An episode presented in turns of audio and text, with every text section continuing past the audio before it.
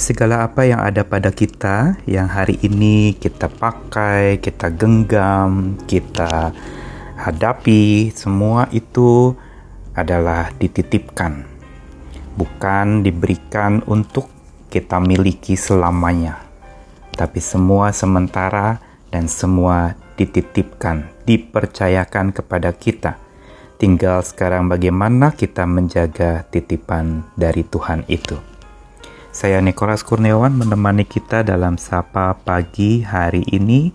Sabdanya menyapa kita di dalam Matius pasal 25 ayat yang ke-14 sebab hal kerajaan sorga sama seperti seorang yang mau bepergian ke luar negeri yang memanggil hamba-hambanya dan mempercayakan hartanya kepada mereka.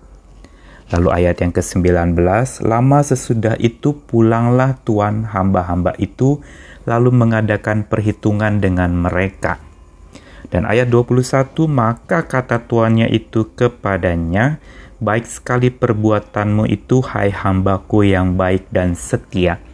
Engkau telah setia dalam perkara kecil, aku akan memberikan kepadamu tanggung jawab dalam perkara yang besar. Masuklah dan turutlah dalam kebahagiaan Tuanmu. Saudara, kenapa apa yang kita punyai itu disebut sebagai titipan?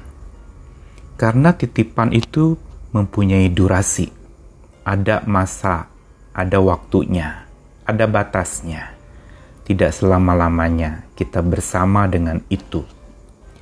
Dititipkan berarti juga dipercayakan untuk bagaimana titipan itu tetap terjaga baik, atau dititipkan juga mempunyai makna dipercayakan dalam arti untuk dikelola. Kisah hari ini dari Matius pasal 25 di Sabda Tuhan mau memberitahu kepada kita tentang makna kebenaran ini. Tentang bagaimana menjaga titipan yang dipercayakan oleh Tuhan kepada kita. Kisah seorang tuan yang pergi ke luar negeri dan memanggil hamba-hambanya serta mempercayakan hartanya kepada mereka. Kata mempercayakan harta digunakan sebuah kata yang mengandung makna dialihkan untuk lalu kemudian nanti dimintai pertanggungan jawab dialihkan untuk sementara waktu untuk nanti diambil kembali oleh si pemiliknya. Begitu pula dengan hidup kita bukan itu semua dipercayakan, dialihkan untuk sementara waktu. Nah, sampai satu saat Tuhan memanggil kita, Tuhan minta pertanggungjawaban dari kita tentang tugas-tugas penjagaan apa yang dipercayakan itu, apa yang dititipkan itu. Dan saudara bagaimana caranya menjaga titipan Tuhan itu dalam durasi waktu yang kita tidak tahu berakhirnya kapan? Yang pertama-tama adalah dari ungkapan pujian Tuhan ini kepada hamba yang telah menjalankan tugas menjaga titipan itu dengan baik ketika dimintai pertanggungjawaban setelah waktunya selesai maka ungkapan-ungkapan yang disebutkan oleh Tuhan kepada hambanya ini menunjukkan tentang hal-hal yang perlu kita miliki di dalam kita menjaga titipan Tuhan. Yang pertama-tama adalah faktor kehambaan.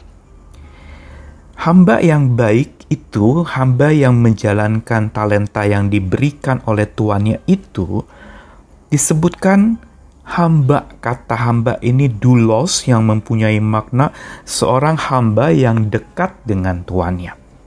Seorang hamba yang punya hubungan yang dalam, tapi juga seorang hamba yang sadar bahwa dia tidak punya hak atas hidupnya. Dia sesungguhnya dan seutuhnya milik tuannya. Ini yang menyebabkan si hamba yang pertama ini menjalankan talenta yang dipercayakan kepadanya itu dengan baik sekali. Karena dia sadar bahwa dia hamba, dia nggak punya hak atas hidupnya sendiri, tetapi dia dimiliki oleh tuannya yang mempercayakan kepadanya apa yang dia terima.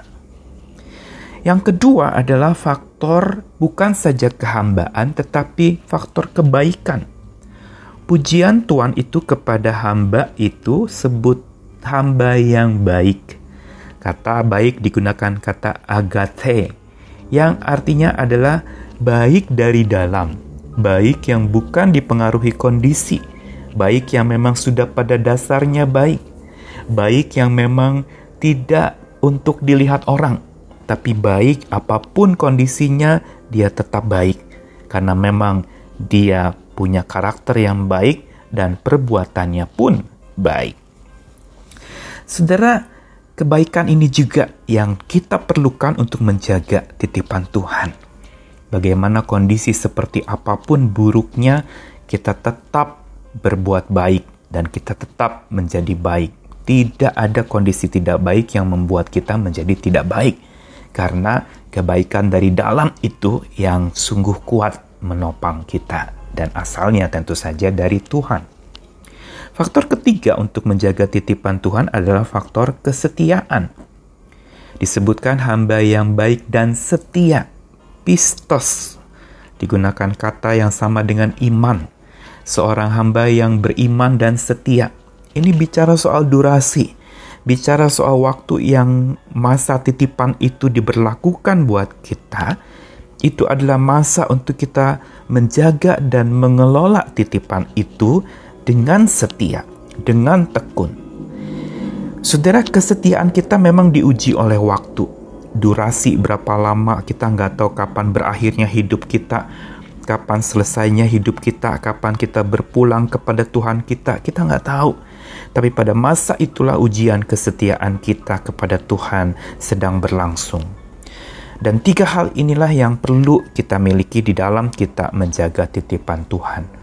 Saudara, hidup adalah titipan Tuhan, keluarga titipan Tuhan, kesehatan juga titipan Tuhan. Bahkan kondisi-kondisi buruk di sekitar kita itu juga bisa jadi dititipkan oleh Tuhan untuk kita hadapi. Karenanya sekarang mari kita meriksa diri.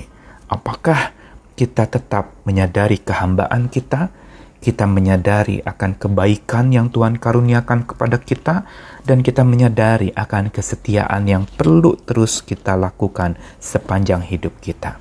Selamat berjuang, salam kasih Tuhan menyertai kita sekalian. Amin.